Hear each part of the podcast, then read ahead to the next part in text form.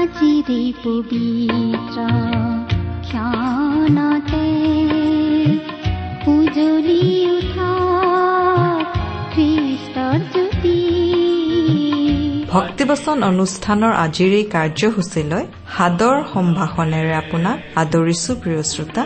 ভক্তিবচন অনুষ্ঠানৰ আজিৰ এই শিক্ষা শুনিবলৈ আপোনাৰ বহুমূলীয়া সময় খৰচ কৰাৰ বাবে ধন্যবাদ। আপুনি খৰচ কৰা এই সময়খিনিত আপুনি জীৱনৰ এক বিশেষ আশীৰ্বাদ লাভ কৰিব বুলি বিশ্বাস কৰোঁ। আজিৰ এই অনুষ্ঠানে নিশ্চয় আপোনাক জীৱনৰ তৃপ্তি দান কৰিব। এই অনুষ্ঠানৰ শিক্ষাসমূহে আপোনাক আম্মিক আৰু পাৰিবাৰিক সকলো অৱস্থাতেই সহায় কৰিব বুলি আশা কৰিছো। আমাৰ বিশ্বাস প্ৰভু যীশুৰ বাণীসমূহে আপোনাক প্ৰচুৰ জীৱনৰ সোৱাদ দিব পাৰে। তেওঁৰ বাক্যই আপোনাক জীৱনৰ সকলো পৰিস্থিতিত থিৰে থাকিবলৈ আৰু উন্নতিৰ পথেৰে অগ্ৰসৰ হবলৈ সহায় কৰিব। ঈশ্বৰৰ এই বাক্যৰে আপুনি যেন প্ৰতিদিন আম্মিকভাৱে অধিক বলৱান আৰু পাৰিবাৰিক শান্তিৰ জীৱন যাপন কৰিব পাৰে তাৰেই কামনা কৰিছো। এই কামনাৰে আপোনালৈ আগবঢ়াইছো বাইবেলৰ শিক্ষামূলক অনুষ্ঠান ভক্তিবচন জঞ্জুৰি যেনেকৈ বৈ গৈছে নদীলৈ প্ৰশংসা নিগৰে হে প্ৰভু তোমালৈ। জঞ্জুৰি যেনেকৈ বৈ গৈছে নদীলৈ প্ৰশংসা নিগৰে হে প্ৰভু তোমালৈ। এই সৃষ্টি চাই অবাক হৈ যেনি চাও নুবুজো তুমি কেনে মহিমাময়।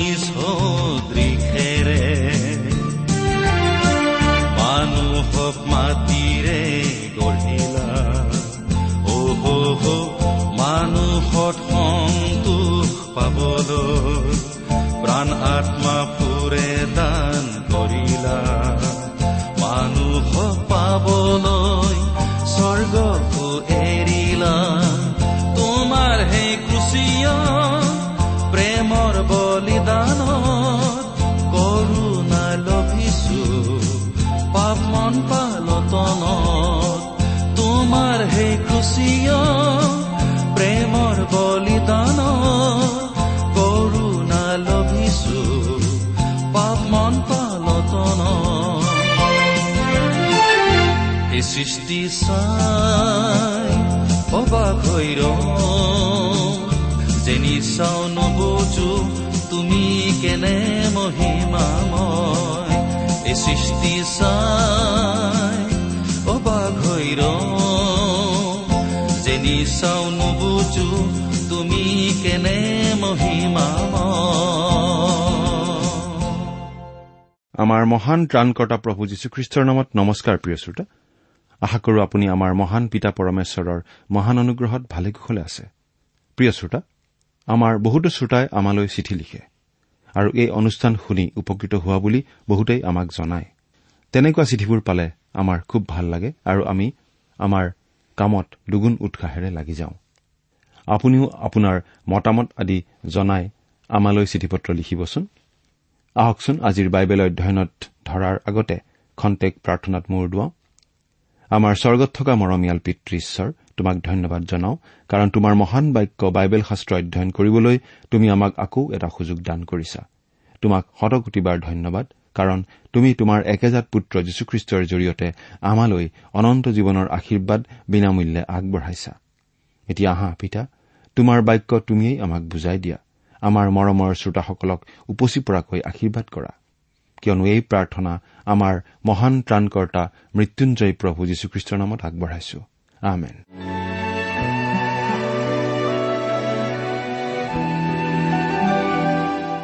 প্ৰিয় শ্ৰোতা আপুনি যদি আমাৰ এই ভক্তিবচন অনুষ্ঠানটো নিয়মিতভাৱে শুনি আছে তেনেহলে আপোনাৰ নিশ্চয় মনত আছে যে আমি আজি ভালেমান দিন ধৰি বাইবেলৰ পুৰণি নিয়ম খণ্ডৰ যিচয়া ভাৱবাদীৰ পুস্তকখন অধ্যয়ন কৰি আছো। নহয়নে বাৰু? ইতিমধ্যে আমি বহুদূৰ আগবাঢ়ি আহিলো আৰু এই যিচয়া পুস্তকৰ চৌব্বিছ নম্বৰ অধ্যায়লৈকে আমাৰ আলোচনা আগবঢ়ালো। গতিকে আজিৰ অনুষ্ঠানত আমি এই যিচয়া পুস্তকৰ পঁচিছ নম্বৰ অধ্যায়ৰ প্ৰথমটো পদৰ পৰাই আমাৰ আলোচনা আৰম্ভ কৰিব খুজিছো। প্ৰিয় শ্ৰোতা প্ৰভু যীশুখ্ৰীষ্ট পুনৰ ঘূৰি আহি মহাক্লেশৰ অৱৰ্ণনীয় উৎপাতৰ ওৰ পেলাই এই পৃথিৱীত তেওঁৰ হাজাৰ বছৰীয়া ন্যায় শাসন স্থাপন কৰিবহি। পঁচিছ আৰু ছাব্বিছ নম্বৰ অধ্যায়ত আমি প্ৰভু যীশুখ্ৰীষ্টৰ সেই শান্তিৰ ৰাজ্য পতা সময়ৰ বিষয়ে পঢ়িবলৈ পাওঁ। সৰগ আৰু মৰতৰ গৰাকী ৰজাসকলৰো ৰজা আৰু প্ৰভুসকলৰো প্ৰভু যীশুখ্ৰীষ্ট।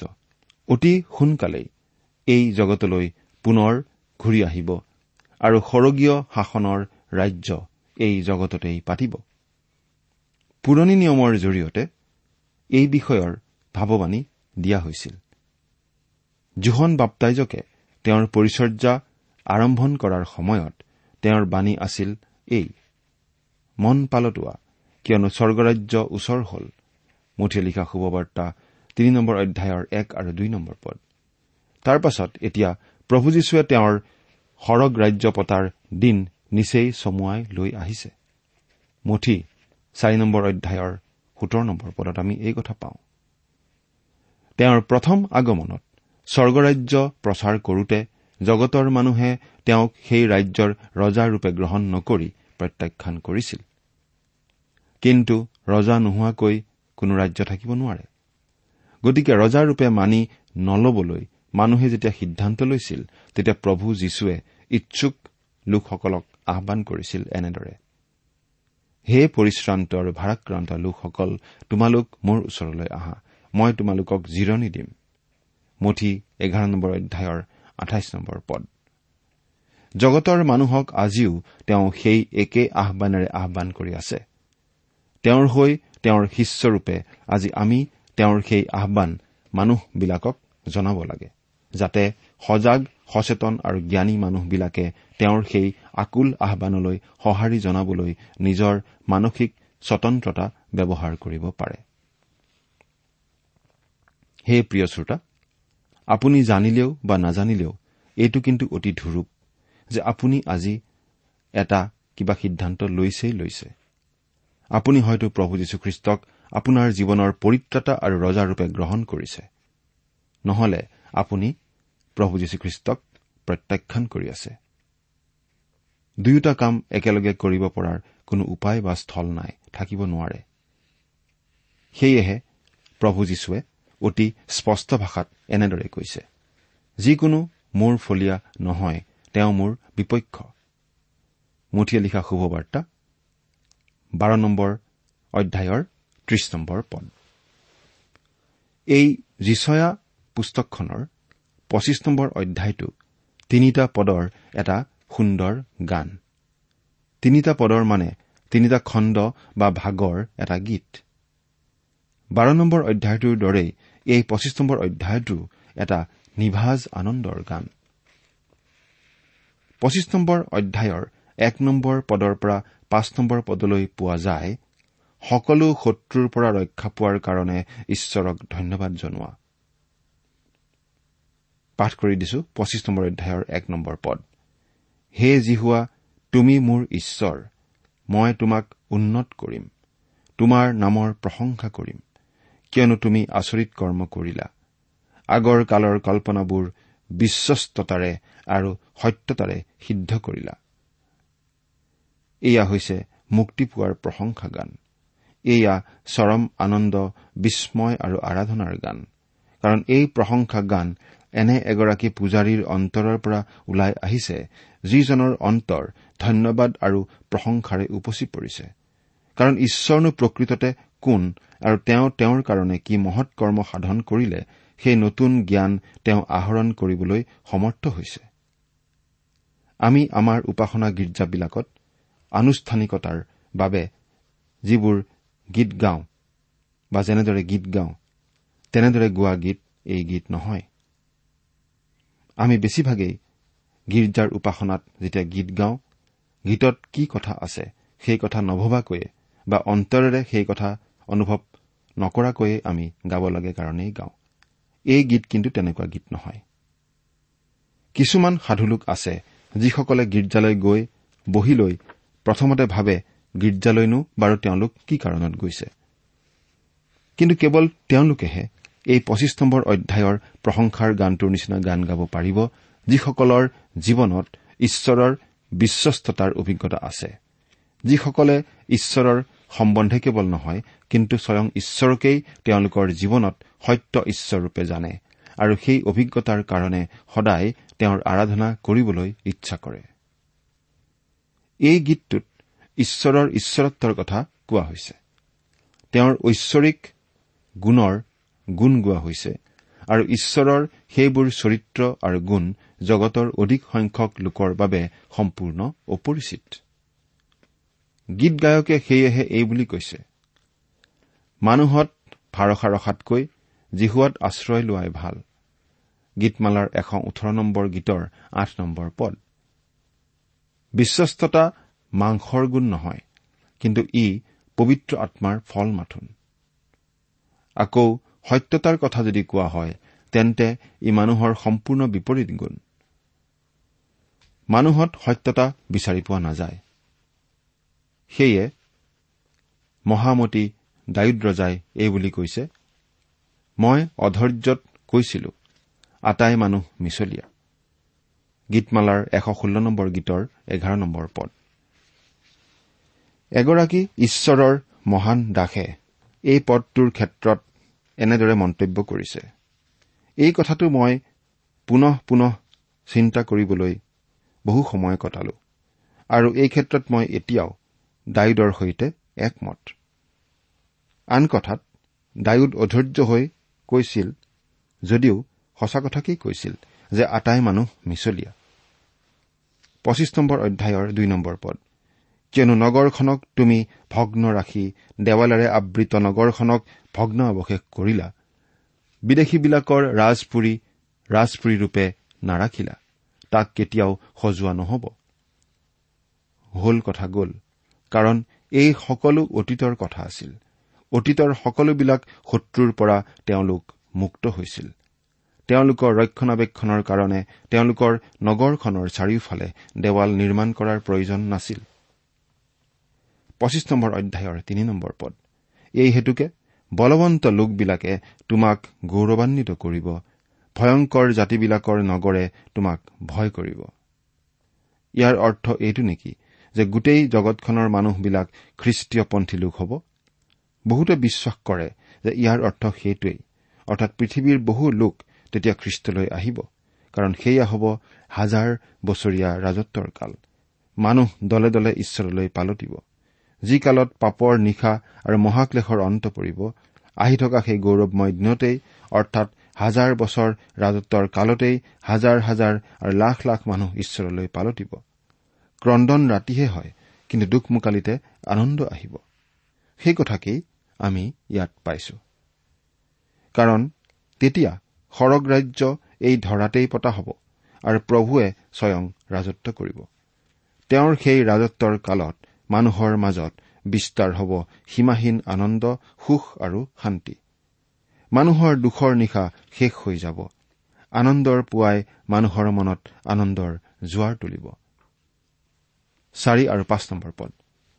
কিয়নো ভয়ানক বিলাকৰ প্ৰশ্বাস দেৱালত লগা ধুমুহাৰ নিচিনা হোৱা সময়ত তুমি দুখীয়ালৈ দুৰ্গস্বৰূপ দুৰৱস্থাত পৰা দৰিদ্ৰলৈ দুৰ্গ ধুমুহাৰ পৰা ৰক্ষা পাবলৈ আশ্ৰয় সূৰ্যৰ তাপ নাপাবলৈ ছাঁস্বৰূপ হৈছিলা। যেনেকৈ খৰাং দেশত ৰ'দক তেনেকৈ তুমি বিদেশীবিলাকৰ কোলাহল থমাবা। যেনেকৈ মেঘৰ ছাঁৰে ৰ'দক নিবাৰণ কৰা হয় তেনেকৈ ভয়ানকবিলাকৰ গান স্থগিত কৰা হ'ব। ঈশ্বৰৰ সাধু সন্তবিলাকৰ লগতে সেই কালত ঈশ্বৰলৈ ঘূৰা লোকসকলে সোঁৱৰণ কৰিব অতীতৰ ঈশ্বৰ নিন্দাৰ কথা। যি ঈশ্বৰ নিন্দাৰ কথা দ্বিতীয় থিচলনিকীয়া দুই নম্বৰ অধ্যায়ৰ চাৰি নম্বৰ পদত এনেদৰে কোৱা হৈছে।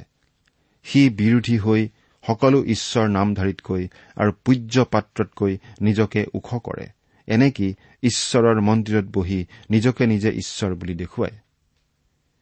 প্ৰভুৰ সেই হাজাৰ বছৰ ৰাজত্বৰ কালত কিন্তু ঈশ্বৰৰ সকলো বৈৰীসকলৰ সৈতে খ্ৰীষ্ট বিৰোধী খ্ৰীষ্টাৰীৰো পতন ঘটোৱা হ'ব।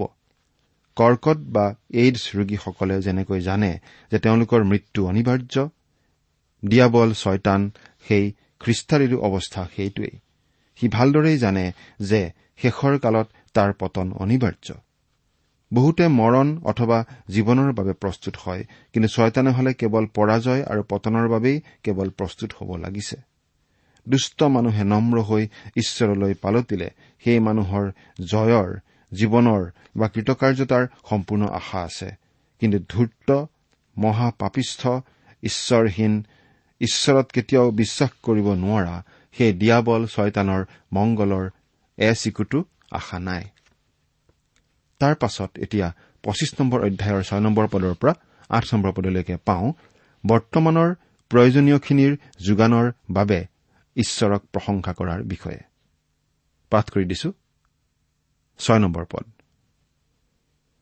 বাহিনীবিলাকৰ জিহুৱাই এই পৰ্বতত সকলো জাতিৰ নিমিত্তে উত্তম উত্তম খোৱা দ্ৰব্যেৰে এক ভোজ পুৰণি দ্ৰাক্ষাৰসেৰে এনেকি অতি তেলীয়া উত্তম উত্তম খোৱা বস্তুৰে আৰু নিৰ্মল কৰা পুৰণি দ্ৰাক্ষাৰসেৰে এক ভোজ যুগুত কৰিব। উত্তম উত্তম খোৱা দ্ৰব্য। অতি তেলীয়া উত্তম উত্তম খোৱা বস্তু আৰু দ্ৰাক্ষাৰস আদি বস্তুবোৰে সদায় শাৰীৰিক প্ৰয়োজনীয়খিনিৰ কথাকেই বুজায়।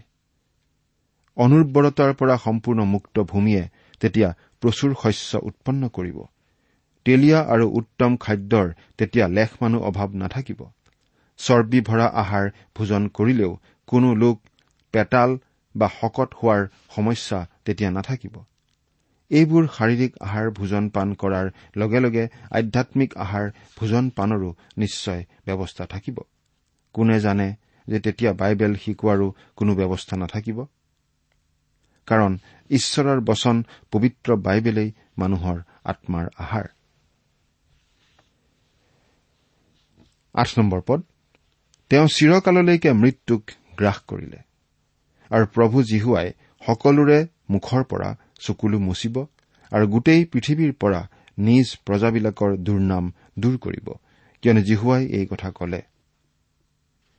এই পদটোৰ উদ্ধৃতি দি পাচনি পৌলে এনেদৰে কৈছে আৰু যেতিয়া এই ক্ষয়ৰ পাত্ৰই অক্ষয়তাক আৰু এই মৃত্যুৰ পাত্ৰই অমৰতাক পৰিধান কৰিব তেতিয়া এই যি কথা লিখা আছে বোলে জয়ৰ অৰ্থে মৃত্যুক গিলি খোৱা হল সেয়ে সিদ্ধ হ'ব। তাৰ পাছত ন নম্বৰ পদৰ পৰা শেষ পদ অৰ্থাৎ বাৰ নম্বৰ পদলৈ এনেদৰে পোৱা যায় ভৱিষ্যত আনন্দৰ আশাৰ বাবে ঈশ্বৰক ধন্যবাদ জনোৱাৰ বিষয়ে। ন নম্বৰ পদ সেইদিনা লোকবিলাকে কব যে চোৱা এওঁৱেই আমাৰ ঈশ্বৰ। আমি এওঁলৈকে বাট চাইছিলো। এওঁৱেই আমাক পৰিত্ৰাণ দিব। এওঁৱেই জিহুৱা। আমি এওঁলৈকে বাট চাইছিলো। আহা আমি এওঁৰ পৰিত্ৰাণত উল্লাসিত হৈ আনন্দ কৰো। পঁচিছ নম্বৰ অধ্যায়ৰ এই প্ৰশংসাৰ গীতটোৰ শেষ খণ্ডলৈ আহি ইয়াত আমি দেখিছো ঈশ্বৰ ব্যক্তিজনৰ কথা। মানুহৰ সকলো সম্বন্ধ ঈশ্বৰে সৈতেহে থাকিব লাগে। জগতখন তেতিয়া খ্ৰীষ্টাৰীৰ দ্বাৰা প্ৰবঞ্চিত হ'ব। কিন্তু প্ৰকৃত খ্ৰীষ্ট বা মচীহজনা প্ৰকৃত শাসন কৰোতাজন পৃথিৱীলৈ আহিব। মানুহৰ কাৰণে তেওঁৰ পৰিত্ৰাণৰ কথাটো বৰ প্ৰয়োজনীয় বিষয় হ'ব। সেইদিনা মানুহে তেওঁৰ পৰিত্ৰাণত সুখী হৈ বৰ আনন্দ কৰিব। পঁচিছ নম্বৰ অধ্যায়ৰ দহ নম্বৰ পদ কিয়নো এই পৰ্বতত জিহুৱাৰ হাত স্থিতি হ'ব আৰু গোবৰ পেলোৱা গাঁতৰ পানীত যেনেকৈ খেৰ গছকা হয় তেনেকৈ মোৱাবক নিজ ঠাইত গছকা হ'ব। ইয়াত পুনৰ মোৱাবৰ উল্লেখ কৰা হৈছে। আমি আগতেই পাই আহিছো যে মোৱাবে ধৰ্মৰ আনুষ্ঠানিকতাৰ প্ৰতিনিধিত্ব কৰে কিন্তু ঈশ্বৰৰ শক্তিক বিশ্বাস নকৰে। সেইদিনত ঈশ্বৰৰ শক্তি বিশ্বাস নকৰা বাহ্যিক আনুষ্ঠানিকতাকো ধ্বংস কৰা হ'ব।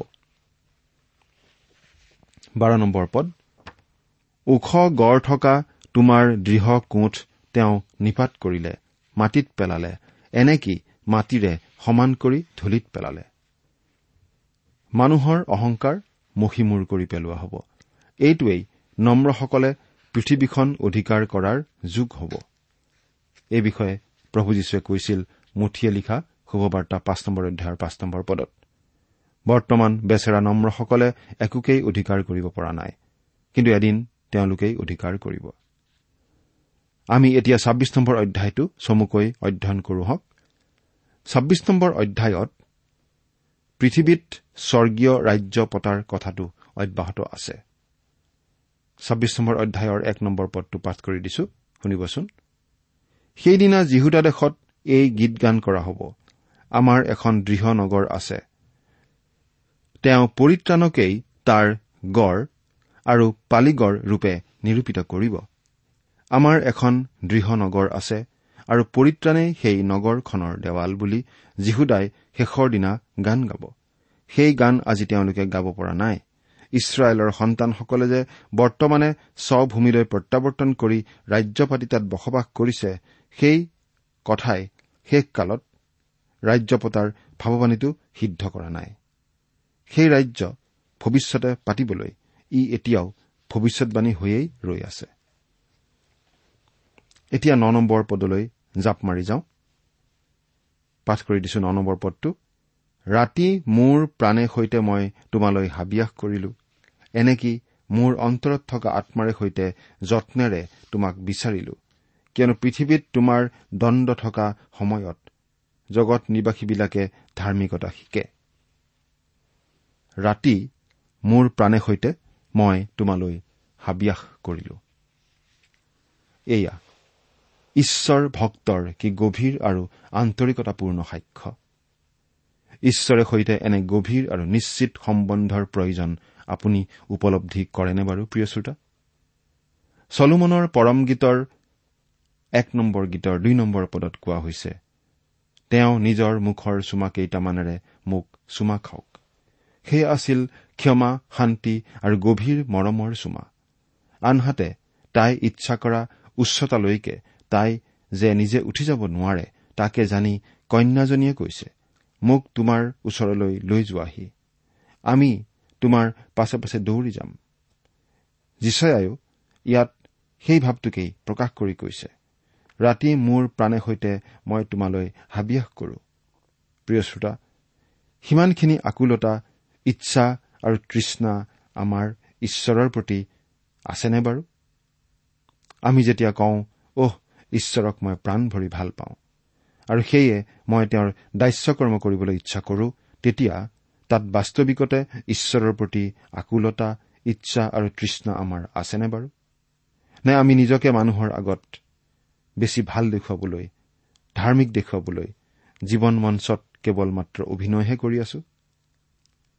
আপুনি নিশা যেতিয়া বিচনাত পৰি থাকে তেতিয়াও ঈশ্বৰলৈ আপোনাৰ আকুলতা আৰু তৃষ্ণা থাকেনে?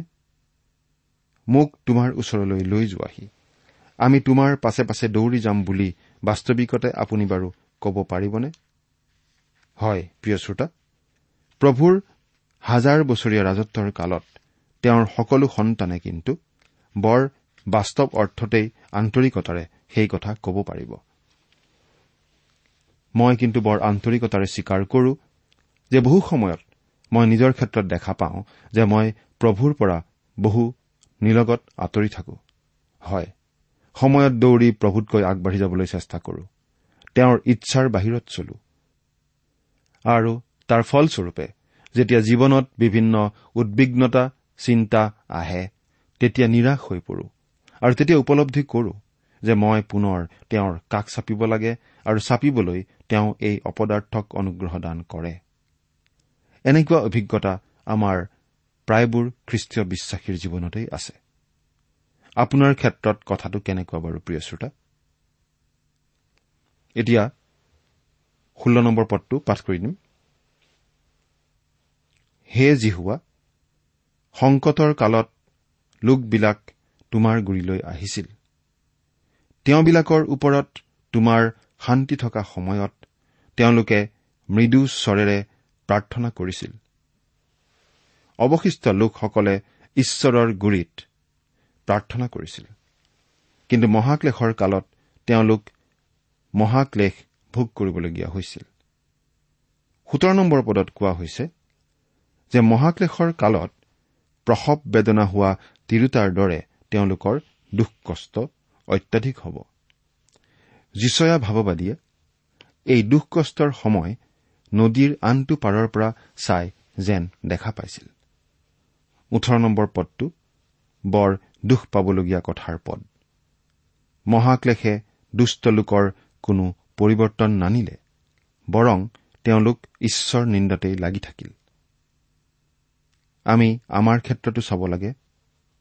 আমাৰো তেনেকুৱা অৱস্থাই হৈছে নেকি বাৰু? জীৱনৰ বিভিন্ন দুখ কষ্টই বিভিন্ন প্ৰতিকূল পৰিৱেশে আমাৰ জীৱনত একো চেতনা অনা নাই নেকি বাৰু?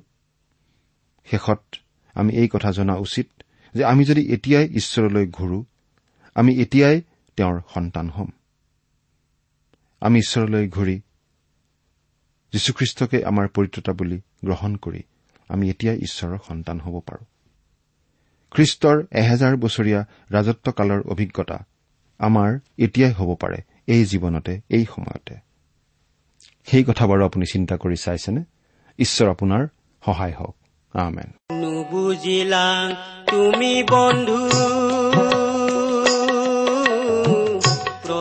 প্ৰিয় শ্ৰোতা ইমান পৰে আপুনি বাইবেল শাস্ত্ৰৰ পৰা ঈশ্বৰৰ বাক্য শুনিলে। এই বিষয়ে আপোনাৰ মতামত জানিবলৈ পালে আমি নথৈ আনন্দিত হ'ম। আমি প্ৰস্তুত কৰা বাইবেল অধ্যয়নৰ চিডিসমূহ পাব বিচাৰিলে আৰু অনুষ্ঠানত প্ৰচাৰ কৰা কোনো কথা বুজিব লগা থাকিলেও আমালৈ লিখক।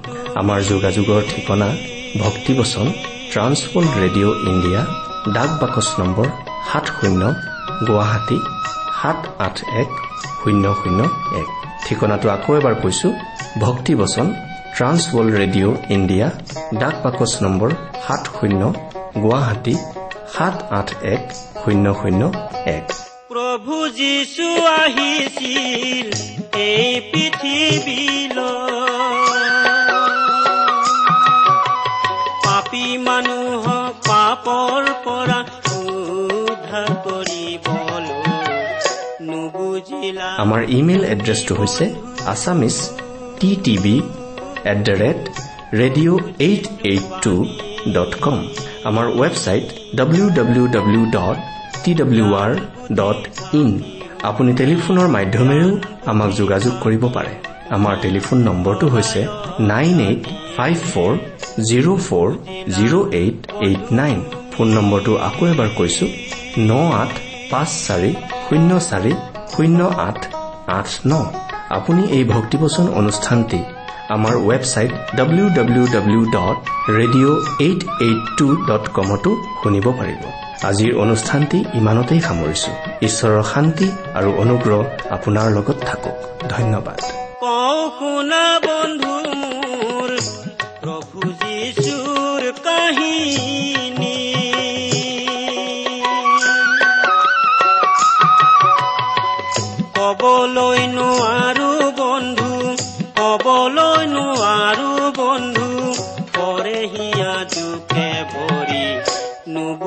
নুবুজিলা বন্ধু তুমি প্ৰভু যীশুৰ বাণী। জ্ঞান বুদ্ধি থাকিও তুমি জ্ঞান বুদ্ধি থাকিও তুমি হলায় জ্ঞানী হে। নুবুজিলা বন্ধু তুমি।